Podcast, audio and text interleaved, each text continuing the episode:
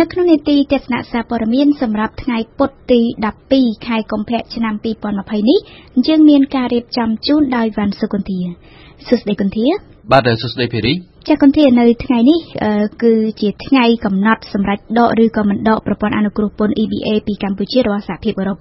ដូច្នេះតើនៅថ្ងៃនេះកាសែតនានានៅក្នុងប្រទេសកម្ពុជាបានចាប់អារម្មណ៍ចុះផ្សាយពីរឿងនេះដូចម្តេចខ្លះទៅគន្ធា ភារីកាសែតជាច្រើននៅកម្ពុជាមានការចាប់អារម្មណ៍ខ្លាំងនឹងបញ្ហា EBA នេះតែចេញពីការលើកឡើងរបស់លោកនាយករដ្ឋមន្ត្រីហ៊ុនសែនកាលពីម្សិលមិញកាសែតរស្មីកម្ពុជាបានឡើងចំណងជើងធំធំថារោងចក្រមួយចំនួននឹងបិទទ្វារបណ្ដោះអាសន្នដោយសារតែវីរុសកូវីដ -19 តែមិនមែនមកពី EBA នោះទេ ជាមួយនឹងចំណងជើងដ៏ធំធំនេះកាសែតបានរំលេចនូវរូបភាពលោកនាយករដ្ឋមន្ត្រីហ៊ុនសែនកំពុងត្រូវបានពលរដ្ឋស្វាគមន៍ដោយសូមចាប់ដៃនិងអោបនៅក្នុងពិធីបើកការឋានស្ដារនិងសាងសង់ផ្លូវលេខ2និងលេខ22កាលពីម្សិលមិញនេះ មិនជាខុសគ្នាប៉ុន្មាននឹងកាសែតរស្មីកម្ពុជាដែរកាសែតកម្ពុជាថ្មីវិញបានអះអាងដូចនេះថាលោកនាយករដ្ឋមន្ត្រីហ៊ុនសែនបានពន្យល់ហេតុផលថារោងចក្រនៅកម្ពុជាមួយចំនួននឹងបិទទ្វារបណ្ដោះអាសន្នដោយករណីវីរុសកូវីដ -19 តែមិនមែនមកពីបញ្ហា EBA នោះទេចំណែកកាសែតភ្នំពេញប៉ុស្តិ៍ឯនោះវិញក៏មិនចេញឆ្ងាយពីសំណុំរឿងនេះដែរដោយកាសែតនេះបានសរសេរថា លោកហ៊ុនសែនថាការបិទរោងចក្រនឹងព្យួរការងារកម្មករមួយចំនួនក្នុងពេលខាងមុខគឺដោយសារតែកង្វះការផ្គត់ផ្គង់វត្ថុធាតុដើមពីចិន មិនមែនមកពីករណី EBA នោះទេ។ កាសែតនេះបានសរសេរបន្ថែមថាលោកនាយករដ្ឋមន្ត្រីហ៊ុនសែនបានបញ្ជាក់ថារោងចក្រមួយចំនួននៅកម្ពុជានឹងត្រូវបិទទ្វារនិងព្យួរការងារកម្មករមួយចំនួននៅក្នុងរយៈពេលប៉ុន្មានសប្តាហ៍ខាងមុខដោយសារតែខ្វះការផ្គត់ផ្គង់វត្ថុធាតុដើមពីប្រទេសចិនខណៈដែលវីរុសកូវីដ -19 កំពុងបន្តរីករាលដាលនៅក្នុងប្រទេសនេះ បើតាមកាសែតភ្នំពេញប៉ុស្តិ៍ដដែលលោកហ៊ុនសែនមិនចង់ឲ្យមានការចាត់ទុកការបិទរោងចក្រនិងព្យួរការងារកម្មករនៅពេលខាងមុខនេះថាមកពីឥទ្ធិពលនៃ EBA របស់សហភាពអឺរ៉ុបនោះឡើយ។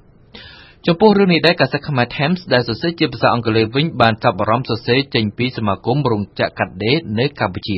ខ្មែរ Times បានសរសេរថាសមាគមរោងចក្រកាត់ដេរនៅកម្ពុជាបានរាយការណ៍ថា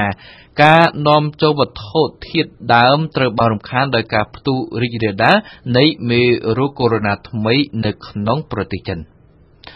បើទោះបីជាកាសែតទាំងនេះបានចាត់ទុករឿងនេះជារឿងសំខាន់បំផុតរបស់ខ្លួនក៏ដោយក៏ប៉ុន្តែកាសែតកោះសន្តិភាពវិញបានត្រឹមឲ្យតម្លៃជារឿងបន្ទាប់បន្សំតែប៉ុណ្ណោះសម្រាប់ទំព័រមុខរបស់ខ្លួននៅថ្ងៃពុធនេះកាសែតនេះបានសរសេរថាសម្រាប់ថ្ងៃនេះរបស់សហភាពអឺរ៉ុបករណី EBA រាជរដ្ឋាភិបាលកម្ពុជាប្រកាសថាបានត្រៀមខ្លួនរួចរាល់អស់ហើយ។ គុន្ធាបានលើកឡើងថារឿងទាំងនេះគឺជារឿងបន្ទាប់បន្សំរបស់កាសែតកោះសន្តិភាពចុះរឿងអ្វីទៅដែលកាសែតមួយនេះបានឲ្យតម្លៃជារឿងសំខាន់របស់គេនោះនោះគឺរឿងតាក់ទងទៅនឹងបញ្ហាមេរោគឆ្លងកូវីដ -19 អភិរីកសន្តិភាពបានឲ្យតម្លៃខ្លាំងមែនទែនទៅលើបញ្ហាមេរោគឆ្លងកូវីដ -19 ថ្មីនេះកាសែតនេះបានអះអាងថាជាង40000អ្នកឆ្លងអ្នកស្លាប់ដោយវីរុសកូវីដ -19 បានឡើងដល់101អ្នកហើយ បើតាមកសិកសន្តិភាពយោងតាមតរយការចេញផ្សាយនាថ្ងៃទី11ខែកុម្ភៈដោយអាជ្ញាធរចិនថាវីរុសកូវីដ -19 ថ្មីបណ្ដាលឲ្យមនុស្សស្លាប់ឡើងដល់1016នាក់ហើយនៅចិនដីគោកក្រោយប្រកាសអាសន្នពីអ្នកស្លាប់ថ្មី108នាក់នៅក្នុងខេត្តហូប៉ៃ កាសែតកម្ពុជាថ្មីវិញមិនចាប់អារម្មណ៍នឹងរឿងនេះទេភារីក៏ប៉ុន្តែបានងាកទៅឲ្យតម្លៃខ្លាំងទៅលើបញ្ហាថ្ងៃទី14កុម្ភៈដែលជាទិវានៃក្តីស្រឡាញ់ទៅវិញកាសែតនេះបានចុះផ្សាយថាក្រសួងអប់រំដាក់ចេញវិធានការទប់ស្កាត់សកម្មភាពមិនប្រក្រតីក្នុងទិវានៃក្តីស្រឡាញ់នៅតាមគ្រឹះស្ថានសិក្សារដ្ឋនិងឯកជន បើតាមកាសែតកម្ពុជាថ្មីនេះក្រសួងអប់រំយុវជននិងកីឡាបានដាក់ចេញនូវវិធានការទប់ស្កាត់សកម្មភាពមិនប្រក្រតីក្នុងទិវានៃក្តីស្រឡាញ់នៅតាមគ្រឹះស្ថានសិក្សារដ្ឋនិងឯកជននៅថ្ងៃទី9ខែកុម្ភៈឆ្នាំ2020ខាងមុខនេះ